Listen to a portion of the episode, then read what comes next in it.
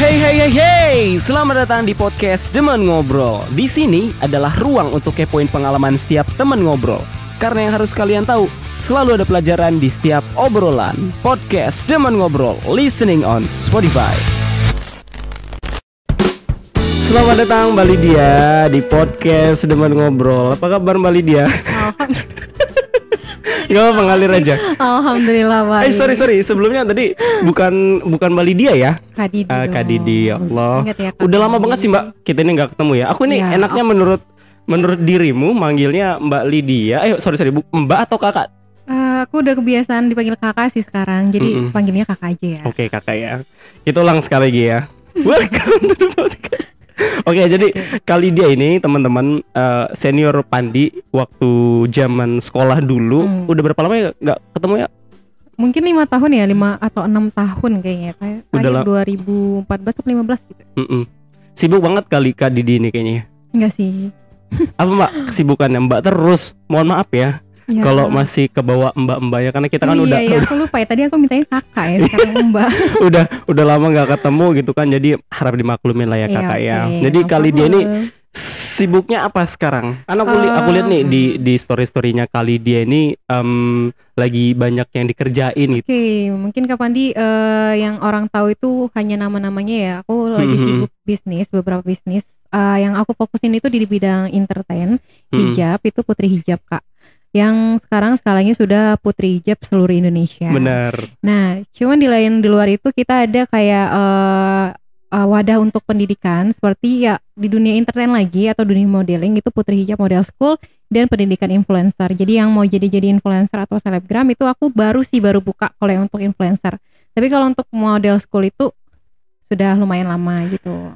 itu udah udah berapa lama sih kak Kalau Putri Hijab mungkin udah lima tahun kak. udah lima tahun ya Iya. jangan jangan manggil kakak lah aku ini Oh adik iya, kamu loh iya, adik ya.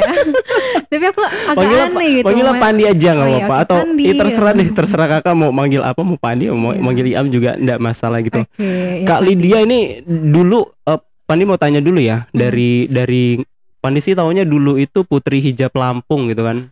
Iya benar. Kalau sekarang itu apa tuh?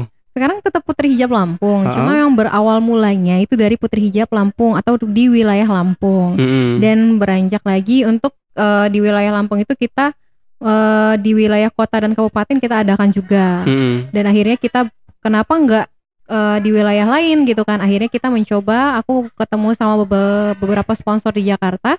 Hmm? Mereka, aku minta Putri Hijab Indonesia, cuman memang dari sponsor besar itu tidak percaya kalau memang langsung besar gitu. Hmm. Kalau bisa ya belajar dulu deh dari skala regional, makanya diadain yang Sumatera. Hmm. Barulah setelah regional berhasil, baru dilaksanakan se Indonesia seperti itu. Itu kan kalau kita ngomongin itu sedikit perjalanan singkat nih kayak ya. Iya, singkat itu banget. singkat banget tuh. Aku tuh mau mau tahu lebih dalam dari dari zaman dulu Kak Didi nih waktu dari zaman sekolah itu sebelum sebelumnya kan pasti ada ada latar belakang gitu loh Kak. Yap, ada hmm. latar belakang ketika Kak Didi itu eh, bisa sampai berada di titik ini gitu loh. Karena kan Pandi Pandi juga tahu juga sedikit sedikit banyaknya soal soal ini eh, perjuangan kali dia lah dari zaman dulu waktu Hmm. zaman sekolah kan itu kan senior Pandi di OSIS juga sih.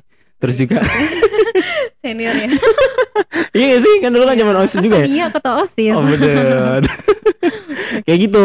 Jadi zaman dulu itu eh, sampai gimana sih ceritanya Kak Didi tuh bisa tertarik sampai sekarang itu bisa bertahan di dunia permodelan ya itu. Dulu itu awal mulanya itu gimana sih Kak? Jadi dulu awal mulanya aku kelas 1 dari kelas 3 SMP udah suka Mm-mm. model. Cuma memang aku dulunya introvert. Gak tahu Hmm. kenapa sekarang jadi kelincahan dan jadi ekstrovert gitu ya. Ah. Padahal dulu pendiam banget sih. Nah kelas 1 SMA udah mulai ah mencoba deh ikutan dunia model yang nggak tahu sama sekali dan nggak punya kawan sama sekali di dunia, eh, di dunia model. Hmm. Dan itu ngerasa banget zaman tahun 2011 ya kalau nggak salah itu Hmm. aku ikut lomba model dan dari 50 peserta misalkan Hmm? itu cuma satu atau dua orang yang berhijab dan itu salah satunya aku dan itu ngerasa yang kayak ya percuma gitu Iya. karena kan kalau juri ngelihat apalagi kalau jurinya jurinya cowok pasti udah Mhm. melek gitu ngelihat wanita yang sa- saingan gitu seksi seksi semua gitu kan ya dan nggak percaya ah, ya, nggak percaya diri lah jadinya kan ya Ah, ya gimana kita tertutup bersaing sama yang seksi ya secara wajarnya ya secara logikanya pasti yang gak hijab sih yang bakal menang gitu ya cuman kita ya yaudah deh yakin aja gitu Cuma memang karena dulu provinsi Lampung ini untuk model hijabnya sangat minim dan kurang Mm-mm. dukungan. Jadi eh, fotografer pun lebih semangat kalau foto bareng model yang non hijab, Seksi. yang seksi. Iya seksi gitu. lebih tepatnya ya. Ah, bener banget gitu. Makanya kalau ada foto hunting pun kita nggak percaya diri. Pasti Ah, kalau sesinya hijab sama di eh, yang gak hijab digabung, tempat kita itu cuma paling satu dua fotografer. hmm? Dan yang nggak hijab itu banyak banget. Jadi kayak ngerasa ya Allah gue gini amat sih gitu kan. Nah jadi kayak ngerasa nggak bebas, nggak Ah. bisa beraktivitas, kayak kurang dukungan lah gitu Hmm. kan. Sampai akhirnya aku pindah ke Bandung. Dan ternyata dunia Bandung itu Hmm? hijab itu sangat berkembang pesat gitu kan termasuk Hmm. kayak komunitas hijab modeling hijab itu sangat berkembang dan bahkan ada manajemennya Hmm. dan aku ikut di sana aku ikut eh, aku sempat jadi model yang di UPI UPI Mm-mm. itu ada eh, anak-anak kampus yang jurusan desain komunikasi visual Iya. di Unibi juga universitas di sana dan aku jadi model hijabnya. Alhamdulillah sih masih diberikan kesempatan menuangkan kreativitasnya kan ya. Ah, ya terus nggak lama ternyata aku pindah ke Lampung lagi. Nyampe Lampung nggak tahu mau mau ngapain itu nggak tahu mau ngapain gimana gitu kan. Dan aku tuh mikir kenapa nggak buat aja ya hijab-hijab di Lampung Heeh. kayak yang di Bandung gitu kan. Oh. biar aku nggak sendirian biar hijab itu berkembang gitu. Secara orang tuh mikir ah hijab ngapain sih hijab-hijab lebih Hmm. baik yang seksi gitu kan beneran seriusan dan akhirnya aku buatlah Putri Hijab Lampung dan itu bersama sahabatku Waduh. yang ada di sini Iya iya. Sebentar kak. Tapi Yes. sebelum lanjut, Pani mau tanya dulu. Hah? Jadi waktu pas Kak Didi ke Bandung itu, Hah? itu memang memang pribadi sendiri gitu, bukan perwakilan atau dari yang lalu itu ikut apa model di Hmm. Lampung sini gitu atau mewakilkan Lampung atau memang niat dari dalam diri sendiri gitu? Kalau ke Bandung, Mm-mm. itu kebetulan aja Pandi. Pandi kayaknya tahu deh. Dulu aku pindah ke Bandung kan pengen jadi tentara Pandi. jadi mau jadi tentara, ikut sekolah Akmil. Dan Mantap. ternyata aku nyam, nyambi nyumput-nyumput dari ayah, itu pamanku aku panggil ayah. Hmm. Nyumput-nyumput dari ayah, aku sambil ikutan model-model di sana. Padahal ayah Hmm. taunya aku sekolah pendidikan di sana. Jadi aku Hmm. nyumput-nyumput. Iya. Karena aku pengen jadi Wow. tentara juga bukan dari hati aku gitu, Wow. karena suruhan orang tua. Mantap. Jadi wow. Ini baru tahu loh. iya, Pandi. Bener-bener. Baru tahu. Jadi tadinya niatnya itu di sana mau sekolah tentara gitu. Iya, emang sekolah tentara. Udah udah direncanakan lah bakal jadi tentara gitu. Eh taunya nyemplung ke dunia model. Nyemput-nyemput. Tapi memang kalau itu bisa dibilang apa nih bilangnya udah passion ya. Iya, udah udah passion udah ya. udah passion dari Kak Didi deh kayaknya dari zaman sekolah memang di dunia permodelan mau mental ke mana-mana pun Iya. juga pasti nyari yang namanya dunia model. Jadi Benar, benar. bisa di bisa dibilang gini ya Kak Didi itu nyemplung di dunia model yang lebih dalam itu awal mulanya bisa dikatakan dari Bandung itu banyak pelajaran gitu atau gimana? Eh, kalau pelajarannya yang sangat banyak itu mungkin di Bandung ya. Karena Hmm. memang untuk khususnya hijab ya lebih banyak di Bandung gitu. Sementara kalau di Lampung itu ya hanya sekedar ya sedikit lah kurang dukungannya kalau di Lampung. Hmm, Gitu. hmm, hmm, hmm. jadi waktu itu sudah udah kelar ya di Bandung udah kelar misinya bahasanya gitu ya. Iya, udah kelar Balik lagi ke misinya. Lampung, Balik ke terus Lampung. ada ke Gundah Gulana gitu kan? Iya. Benar, tapi sebenarnya um, eh, aku Ah? tuh sorry aku manggil Am ya. Iya, nggak apa-apa. Santuy. Oke Pandi. Jadi sebenarnya aku tuh balik ke Lampung dengan terpaksa. Hmm, Karena kenapa gitu? karena aku ada something sedikit sama orang tua yang aku disuruh daftar lagi ke tentara tapi aku masih nggak mau gitu kan. Hmm, Dan memang posisinya waktu itu aku gagal. Di tinggi badan aku kurang 5 cm, eh 5 mili. 5 mili. Dan aku gagal disuruh tetap fokus lagi aku nggak mau. Akhirnya aku dipulangin ke Lampung, Lampung. dengan terpaksa dan aku masuk kuliah pun dengan terpaksa gitu. Bener Am. Karena aku udah pada telat. Semua Iya. kampus sudah tutup, aku malah kuliah dan ya udahlah kuliah di mana aja deh. Ya udah deh jurusan apa aja deh gitu kan. Ya dengan sedih.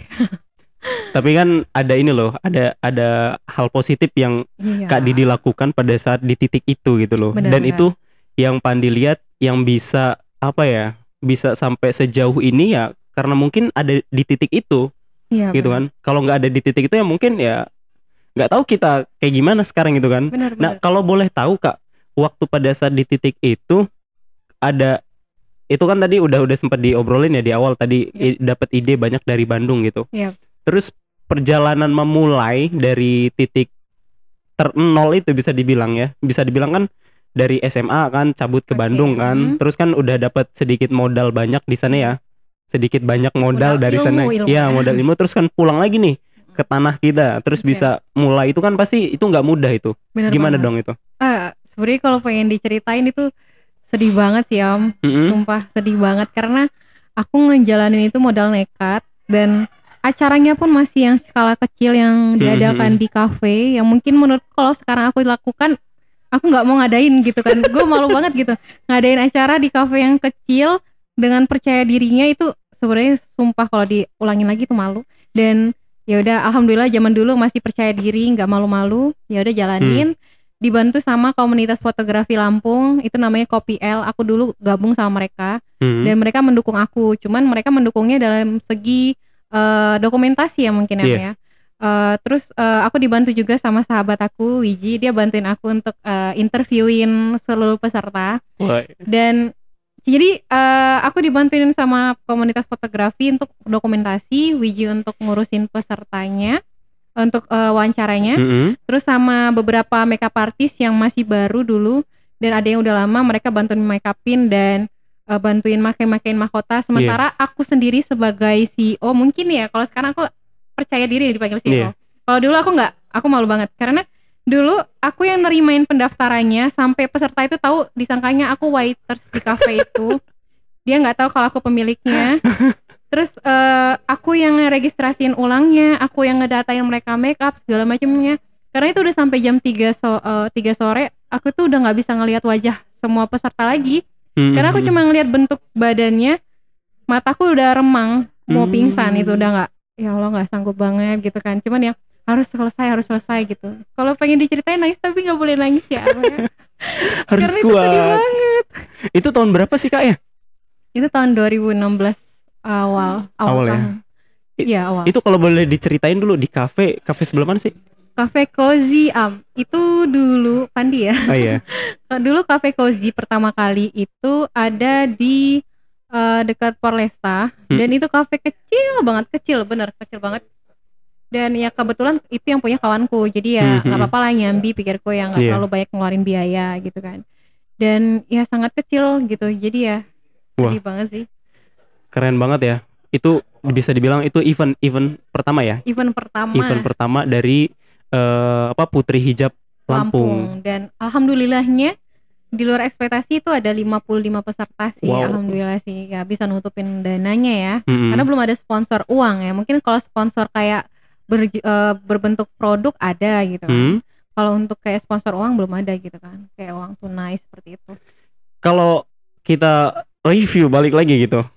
Ke belakang lagi Oke, gitu oke, oke. menarik sih mau nggak ah, boleh nggak Kak Lide itu ceritain dari dari dulu sebelum usaha maksudnya gini waktu zaman sekolah itu Pandi tuh tahu Kak Lide itu bisnis bisnis kayak hal bisnis bisnis kecil lah gitu Yap. boleh nggak sih diceritain dari zaman dulu itu bisnis bisnis gini siapa tahu kan buat teman-teman wanita gini teman ngobrol wanita yang Yap. ngedengerin podcast ini ada ada ini loh ada apa ya motivasi yang bisa mereka ambil gitu dari dengerin perjuangan seorang Kak Didi gitu loh. Hmm, Oke, Eh, sebenarnya dulu itu aku sempat bisnis eh, kayak hand body yang bisa eh, ngebersihin daki ya. Jadi kalau Ah. digosokin itu dagingnya keluar, sorry ya, kasar gak dagingnya. nggak apa-apa Dan itu nekat aja sih, karena kebetulan tetanggaku dia punya pabriknya dan aku jualin.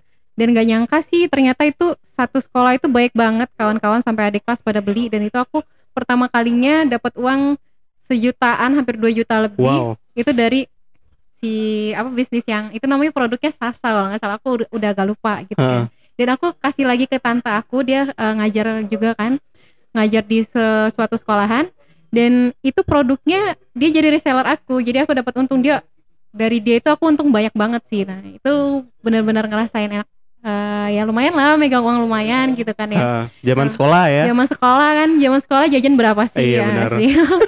jajan berapa dan aku juga eh, ikut-ikutan. Aku nggak tahu sih orangnya nggak nggak terlalu malu ya kalau misalkan Mm-mm. harus jual-jualan. Aku suka banget kayak kita kan ada kawan kayak kakak kelas kamu kan yang kayak Mhm. ada nggak sebut nggak usah disebutkan Iya, namanya benar-benar. yang cowok gitu kan anak osis kayak jualan donat dan segala macam. Aku ikut-ikutan juga ikutan jualan. Mungkin ada yang jualan nasi goreng kayak Iya. kakak-kakak rohis. Iya, aku benar-benar. ikutan keliling jualin, tapi aku nggak ngambil uang gitu iya cuma aku happy aja gitu yang penting gue dapat donat dapat jajanan karena emang aku sukanya keliling-liling petakilan gitu kan dan aku sempet eh, dulu lulu sebelum pindah ke Bandung Hmm? ini sebenarnya nggak mau aku ceritain, aku malu sih mau nyeritainnya. Ini sangat memalukan. Tapi nggak gitu. apa-apa loh, Kak. Sangat memalukan. Bener nggak apa-apa loh. Jadi orang-orang orang-orang besar itu, orang-orang besar itu, mereka itu pasti ada di titik terendah dan Iya. melakukan hal-hal yang yang itu waktu zaman dulu itu kita lakuin tuh memang kita tulus gitu, ya Iya. kan? Maksudnya ya bukan Ah. berarti sekarang nggak tulus ya. Hmm. Pada saat kita sekarang udah di sampai titik yang yang pengen eh, harapan kita udah udah udah udah hampir tercapai gitu ya. Hmm, Itu tuh bisa jadi kisah apa ya perjuangan kita gitu loh. iya, Dan itu tuh seru sih. Dan aku tuh pernah bener-bener penasaran aja sih am kalau soal-soal bisnis yang nggak nggak terlalu eh nggak usah malu lah gitu kan ya. Aku sempat eh, iseng-iseng sih. Sebenarnya kita bukan pengen dapat uang banyak, cuman ya udahlah daripada nggak ada kegiatan. Mhm. It- aku sempet jad, pernah eh, sama sahabat aku. Mhm. Boleh disebutin nggak namanya? Boleh sebutin aja nggak sama sahabatku yang sampai saat ini masih mendampingi aku. Wow. Set. setia sama ya. Mbak Wiji. Ha-ha. Nah, sama Kak Wiji, aku eh jadi kayak Ji, eh, ini bulan puasa nggak ada kerjaan ya. Yaudah yuk coba kita jualan ini deh eh, kelapa gitu kan kayak Hmm. dugan di pinggir jalan tempat tante gue kan di pinggir jalan tuh Iya. rumahnya. Yaudah kita dagang aja gitu kan. Gue udah sampai jauh-jauh ke daerah mungkin kalau di sini eh, ke da- daerah Kelara itu berapa kilo kali ya ngambil si kelapa itu ya ampun susah banget nyarinya dan itu ngupasnya aja nggak bisa sebenarnya kita minta tolong orang terus gitu kan dan tahu am hasilnya apa selama satu bulan Apa? kita nggak dapat untung sama sekali Kenapa bisa begitu? nggak tahu kita nggak habis gitu kayak kok kita ini dagang nggak habis habis akhirnya nggak habis kita bawa pulang kita bagi-bagiin ke orang Wah, tapi- kayak gitu terus Tapi itu loh, tapi mungkin itu yang mempermudah rezekinya gitu. Karena kan Iya. berbagi di bulan Ramadan tuh lebih lebih apa ya? Lebih oke lah. afdol ya Ya, lebih afdol. orangnya. cuma ada satu hal yang memalukan lagi tapi aku pengen cerita nanti aku malu sih ini malu, malu banget Kenapa? karena kan eh, dulu kan kawan-kawan pada kerja gitu kan lulus SMA aku pengen pindah ke Bandung masih lama gitu kan ya jadi eh, aku dengar kawan tuh mereka aku ajak main pada nggak bisa gitu kan Ha-ha. terus katanya Karena- mereka pada kerja di Iya, butik di benar. toko baju gitu Hmm. kan ekspektasi gue itu toko baju yang wow punya desainer atau apa Aha. gitu kan ya pas diajak ke mereka ternyata di pasar am kaget kan Oh, aduh ya Allah kata gue Eh, tapi nggak apa dia brandingnya bagus loh itu. sumpah itu jadi kayak kaget aja gitu kan Eh terus eh, mungkin kan aku tuh sebelumnya memang udah suntik varises kan nggak Ha-ha. boleh eh, nggak boleh berdiri lama-lama Oh, aku iya benar. suntik itu lumayan lah suntik varises berapa gitu kan ya dan akhirnya karena aku gabut nggak ada kerjaan selama Mhm. satu bulan bulan puasa aku akhirnya minta tolong lah aku ikut sama kawanku kerja di aku, aku sangka butik Mm-mm. ternyata kios di pasar toko baju am dan itu aku malu banget sumpah Itu itu sempat berapa lama di sana? sebulan Oh, sebulan. Itu dengan segala kenggerutuan hati gak sih? enggak sih Oh, aku enggak. happy aja Oh. karena karena aku berangkat sama pulang aku sembari lari juga kan latihan lari untuk gak usah ke stadion lagi karena kan aku latihan lari terus untuk persiapan tentara kan jadi sembari kerja pagi lari pulang lari lagi gitu jadi gak usah naik kendaraan Iya iya iya. dan itu rasanya nyelekit sih karena digajinya berapa coba Berapa? tiga ratus lima puluh ribu Wow. sebulan aku berdiri terus Tapi itu udah lulus ya, udah lulus sekolah ya. iya Iya. udah lulus sekolah am cuman aku setelahnya suntik pares suntik parises lagi dua juta lima ratus Itu nombok banyak. nombok banyak ibuku tuh marah-marah kan kamu ini malu-maluin katanya kan Jadi kamu diliatin orang gitu kan. Masa kamu lulus ini malah jadi tukang jualan di toko kata dia. Mending gak usah sekolah katanya kan beneran malu. Sampai aku hafal. Pengen dipraktikin nggak? Mau dipraktikin Jadi Boleh, kalau boleh. ada orang lewat ya. Oh, kita iya. ngomong halo mbak masuk aja boleh boleh pilih pilih aja di sini ini ada yang lima puluh ribu buat anaknya mbak sumpah gue malu banget sumpah aduh ya ampun Itu bertahan satu bulan setelah dari itu resign ya? Apa mengundurkan diri? kan udah kelar bulan puasa Oh, aku kelar. pindah ke kan aku pengen Oh, iya. ke Lam- eh, pindah ke Bandung Mm-mm. dan itu nyesel sih nyeselnya Mm-mm. pertama gue malu karena itu posisi di pasar samping sekolah Mm-mm. dan pas waktu itu gue lagi berdiri adik kelas gue datang lewat Mm. mbak Lydia ngapain ah nyengir aja kan gue oh punyanya ya mbak tokonya Iya. "Hmm, iya gitu kan padahal bukan gue kerja di sini gitu kan ya Allah malu banget sumpah gitu kan Wah itu seru banget sih mbak ya. Jadi malu iya iyalah gitu loh. Masa-masa kayak gitu tuh yang bisa kita tertawakan sekarang gitu loh. iya tertawa Dan itu dan itu bisa bisa jadiin kita maksudnya bukan bukan malu sih lebih teman itu rasa kebanggaan loh kita pernah ada di Hmm. Iya. titik itu dan kita bisa Iya. ceritain gitu loh menurut menurutku gitu sih kak Iya, seru iya. gitu loh terus juga kayaknya dulu tuh pernah ada kalau nggak salah ya kalau kalau kalau salah tolong dikoreksi kak Lydia juga pernah kayak bisnis kayak ulang tahun terus juga bunga-bunga Oh, iya. flanel gitu ya Iya, benar benar. itu benar. Benar benar. itu setelah dari Bandung atau Setelah gimana dari Bandung. Setelah dari Bandung. dan sebelum mulai putri hijab itu ya sebelum mulai Putri Hijab. itu gimana tuh Jadi karena mendesak sih Am, karena dulu tuh di Bandung namanya orang dari Lampung ke Hmm? kota besar, mungkin gue aja kali yang terlalu norak ya. Jadi pindah ke Bandung tuh kayak yang Wah, pertama kalinya gue bisa keluar malam sampai jam 10. Wah, Buset. pertama kalinya gue bisa. keluar malam sampai jam Jalan-jalan. 10 ya Iya sih, masih tetap jam 10. Biasanya kan nggak boleh keluar malam atau Oh, minum iya, tempat iya. kawan dimarahi. Nah, itu gue kayak akhirnya bisa bebas gitu. Bebasnya juga nggak aneh-aneh, nggak klub-klub kayak gitu enggak. Cuman ya ngerasa ya eh, terbuka lah matanya gitu kan ya, gitu. Heeh. Dan akhirnya terlalu terlena sampai dulu kan memang ayah itu kan aku di rumah dinas. Kebetulan Heeh. ayah kan nggak perlu disebutkan jabatannya Hmm, hmm, apa. Dan aku tuh ke mana-mana pakai ajudan Hmm, di eh, dikawal sama tentara, diantar jemput pakai sama tentara, pakai mobil dinas pun mobil tentara. hmm. Dan aku tuh kadang sampai kalau ke mall harus sama tentara. buset Dia itu pakai baju dinas. Hmm. Aku tuh kadang marah-marah gitu. Bisa nggak sih kak pakai baju itu pakai baju biasa? Biasa. Aku tuh malu diliatin orang katanya. Disangkanya ceweknya pakai pakai baju loreng-loreng. Ih gimana nanti kena marah komandan kata dia. ya udah deh, ya udah gitu.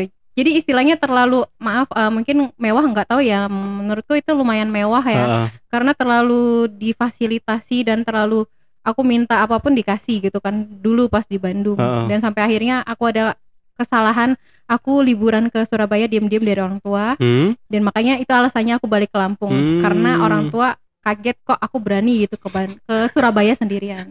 Kegabutan yang tak jelas gitu. Makanya itu dari. Surabaya ngapain tuh? Tuh dari Jawa Barat ke Jawa Timur itu. Jauh banget tuh. Ya itu eh, mau ada li- mau liburan aja Oh, liburan ya? penasaran sama Surabaya Karnaval gitu kan. Oh, itu event ini apa? Event event, event ini juga? Model juga? Modeling Bukan, juga? Bukan event model. Jadi memang aku lagi sedih aja aku pe- penasaran Surabaya itu gimana. Dan aku Hmm. sangka Surabaya itu cuma dua jam tiga jam. Ternyata jauh banget Iya, jauh banget. Aduh kayak di kereta itu kayak orang nggak jelas. Untung nggak nggak nggak apa kesasar. ya, nggak kesasar nggak ada iya. apa-apa gitu kan. Jadi eh, tadi kan Iam nanyain soal dekor ya. Nah, Mm-mm. Makanya pas balik ke Lampung aku tuh nggak dikasih jajan sama sekali. Hmm. aku dimasukin kuliah itu dengan terpaksa kan tadi, uh, tadi aku bilang. Iya.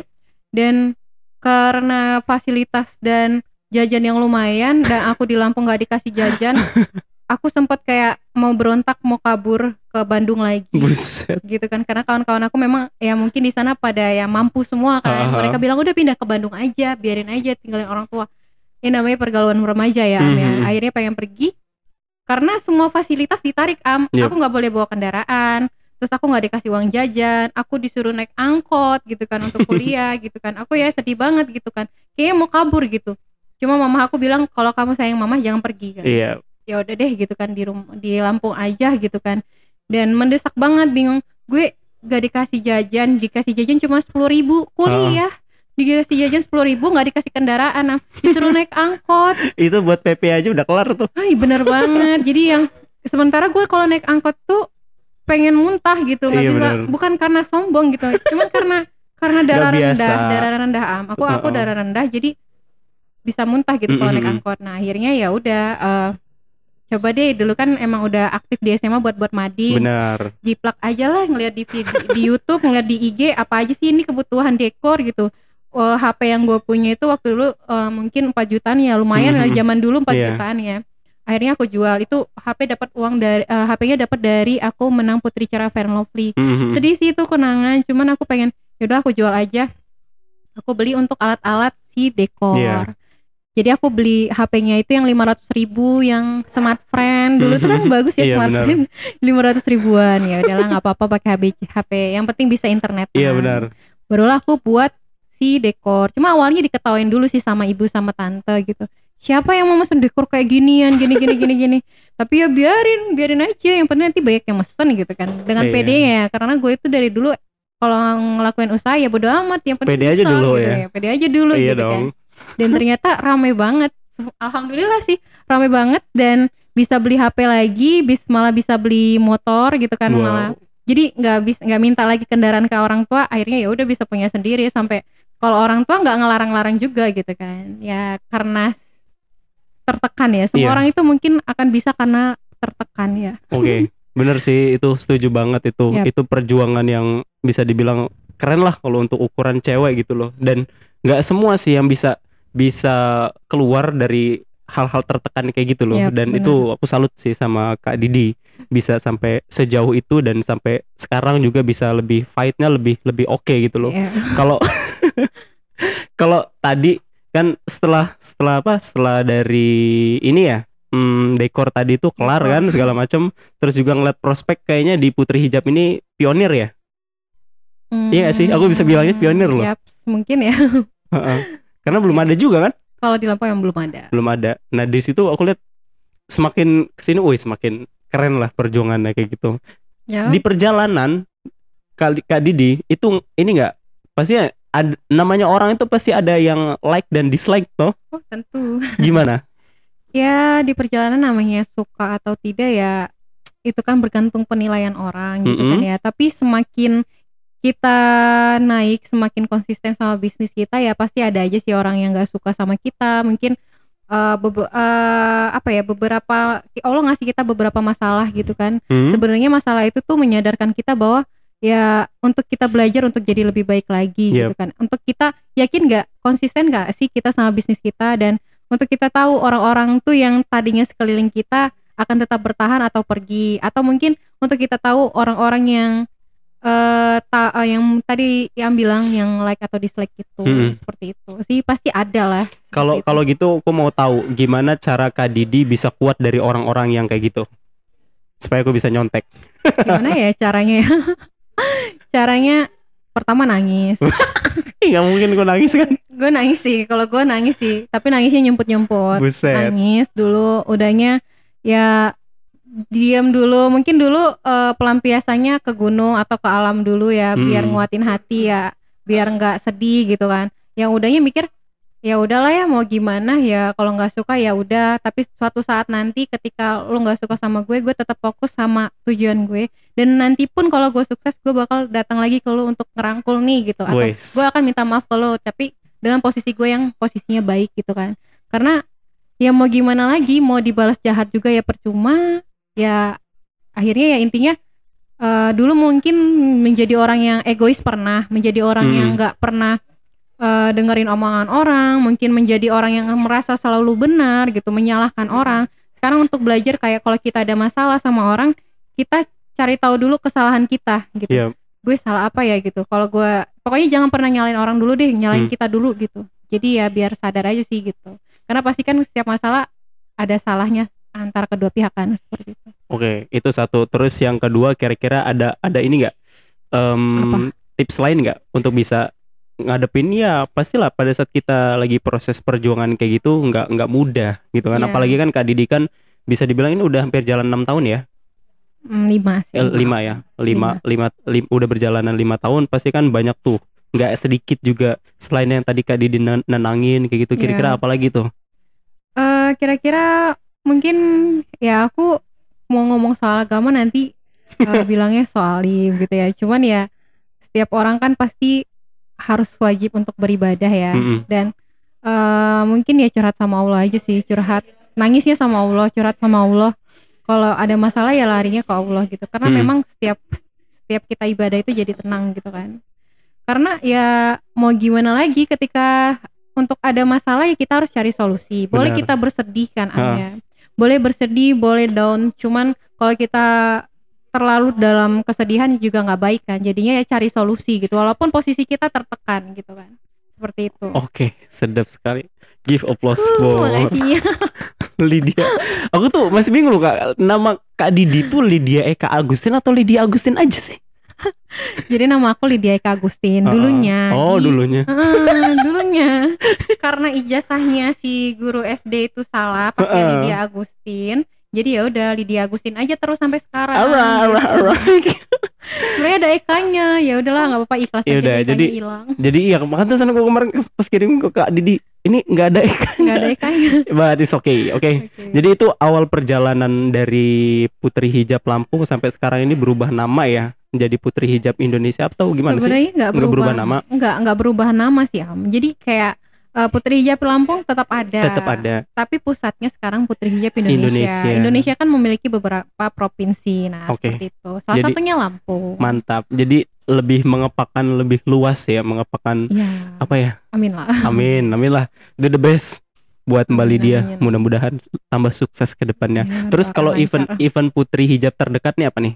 Kalau event Putri Hijab terdekat sekarang lagi prepare persiapan Putri Hijab Indonesia. Jadi Mhm. Lagi roadshow untuk audisinya di masing-masing provinsi sih di seluruh Indonesia. Hmm. Jadi setiap bulan itu ada sekitar tiga provinsi yang kita audisikan seperti itu. itu terdekat ya. Kapan kita mulai? Sekarang Kayaknya udah mulai. Pandemi udah mulai. corona ini mempengaruhi juga ya. Ada nggak eh, agenda-agenda eh, Ramadan yang lalu-lalu gitu yang tempat sempat tercancel gitu? Tentu, tentu sekali. Jadi kan eh, kayak misalkan bulan Maret kemarin kita ada job tiga job launching butik kita nggak Hmm. terlaksana. Terus yang pas Ramadan kegiatan rutin eh, Ramadan Fashion Week itu juga nggak terlaksana. Wah ya. Cuman ya kita gantikan dengan kegiatan sosial gitu Mantap. kan. Ngomong-ngomong apa apa? Ramadan Fashion Week kayaknya dulu aku pernah di sana. Iya, tahun 2016 ya. Zaman dulu banget lah Pas itu. banget di Aston ya. Itu zaman dulu waktu ya masih inilah bocil lah. Enggak Sekarang juga bocil sih sebenarnya. Enggak, enggak bisa enggak gitu. Oke, jadi kemarin itu ya Putri Hijab bukan kalau Ramadan bukan Putri Hijab ya namanya. Ramadan eh, eh, kalau untuk yang Lampung Kalau yang eh, untuk versi Ramadannya eh, hijab eh, apa sih? Hijab Fashion Week gitu. Ramadan Hijab Fashion Week. itu setiap rutin ya, setiap, Setiap Ramadan ya. tahun, Setiap Oke. Ramadan. Tapi Dan kemarin nggak sempat terlaksana karena sih corona. Makanya corona ini ya ampun. tapi Alhamdulillah tapi sih. udah udah mulai ini ya, udah mulai aktif lagi Ya, kegiatannya. alhamdulillah. Udah mulai aktif dan sekarang kan udah new normal jadi udah bisa Siap. ngelaksanakin acara secara langsung gitu. Oke, mungkin itu aja teman-teman. Makasih banyak Kak Didi Shimi-shimi. untuk motivasinya gitu. Ada nggak closing Aku statement? closing juga sih nanti. Aku pengen infoin nanti Ha. eh, insya Allah di bulan Desember pas grand final Putri Hijab Indonesia, aku pengen launching bisnis baru. Bisnisnya itu seperti kecantikan skincare dan insya Allah Hmm. nanti launchingnya di bulan Desember. Mohon doanya semoga Amin, bisa amin, terlaksana dan semoga menjadi skincare seluruh Indonesia. Amin. sudah senasional dan bagus gitu. Amin ya masyarakat. alamin. Kita doakan semua untuk inilah teman-teman kita, teman-teman seperjuangan, senior-senior senior Senior. Iya, Om. untuk jadi lebih oke lagi lah. Dan yang paling penting tadi itu teman-teman ya, setiap masalah itu punya solusi. benar. Dan masing-masing orang juga kan pasti punya caranya sendiri untuk Benar. bisa bangkit dari masalah itu. Aku juga pengen ngomong sih terakhir Mm-hmm. ya tips buat kawan-kawan yang lagi ngegampai mimpinya. Ini ada beberapa yang aku selalu kasih tahu ke orang-orang. Hmm. Pertama kalau pengen mem- eh, mengejar mimpi, catat beberapa mimpi yang kalian ingin kejar di tahun ini. Mulai hari ini atau mulai eh, saat kalian mendengar podcast ini, kalian catat di buku not kalian beberapanya dan kalian catat juga di handphone kalian. Kalau bisa pasang foto ibu kalian nih, aku juga nulis di sini aku ada pasang foto ibu kalian, tulis eh, minimal 5 impian kalian. Lalu kalian catat gimana caranya untuk mengejar mimpi dengan target tanggalnya kapan, bulannya kapan. Nah, setelah itu kasih tahu ke orang tua kalian, kasih tahu ke ibu kalian, ini mimpi aku di tahun ini. Kalian minta maaf, kadang gengsi ya, Iya. tapi peluk aja deh ke ibu kalian sambil nangis. Wah, Eh, peluk aja terus kasih tahu ini mimpinya ya eh, kalau nggak tercapai atau tidak yang penting orang tua tahu karena memang ada orang tua yang memang cuek ada orang tua yang memang pendidikannya kurang tapi yakinlah bukan karena itu tapi karena doanya kan ya karena restunya setelah itu beribadah dan kejar mimpinya karena memang tips yang aku bilang terakhir ini poin yang sangat penting oke, dan mantap. insya Allah akan tercapai kalau kalian laksanakan. Amin, mudah-mudahan. Nanti Pandi juga cobain lah eh harus pandi harus cobakan supaya itu- jadi pribadi yang kuat juga. benar benar Amin, amin. Oke. Makasih banyak kali dia udah mau kita ngobrol dan berbagi pengalamannya di sini. Mudah-mudahan teman-teman yang ngobrol, yang dengerin uh, podcast Demen Ngobrol ini bisa ngambil hikmahnya dari Iya. obrolan kita berdua. Podcast Demen Ngobrol Listening on Spotify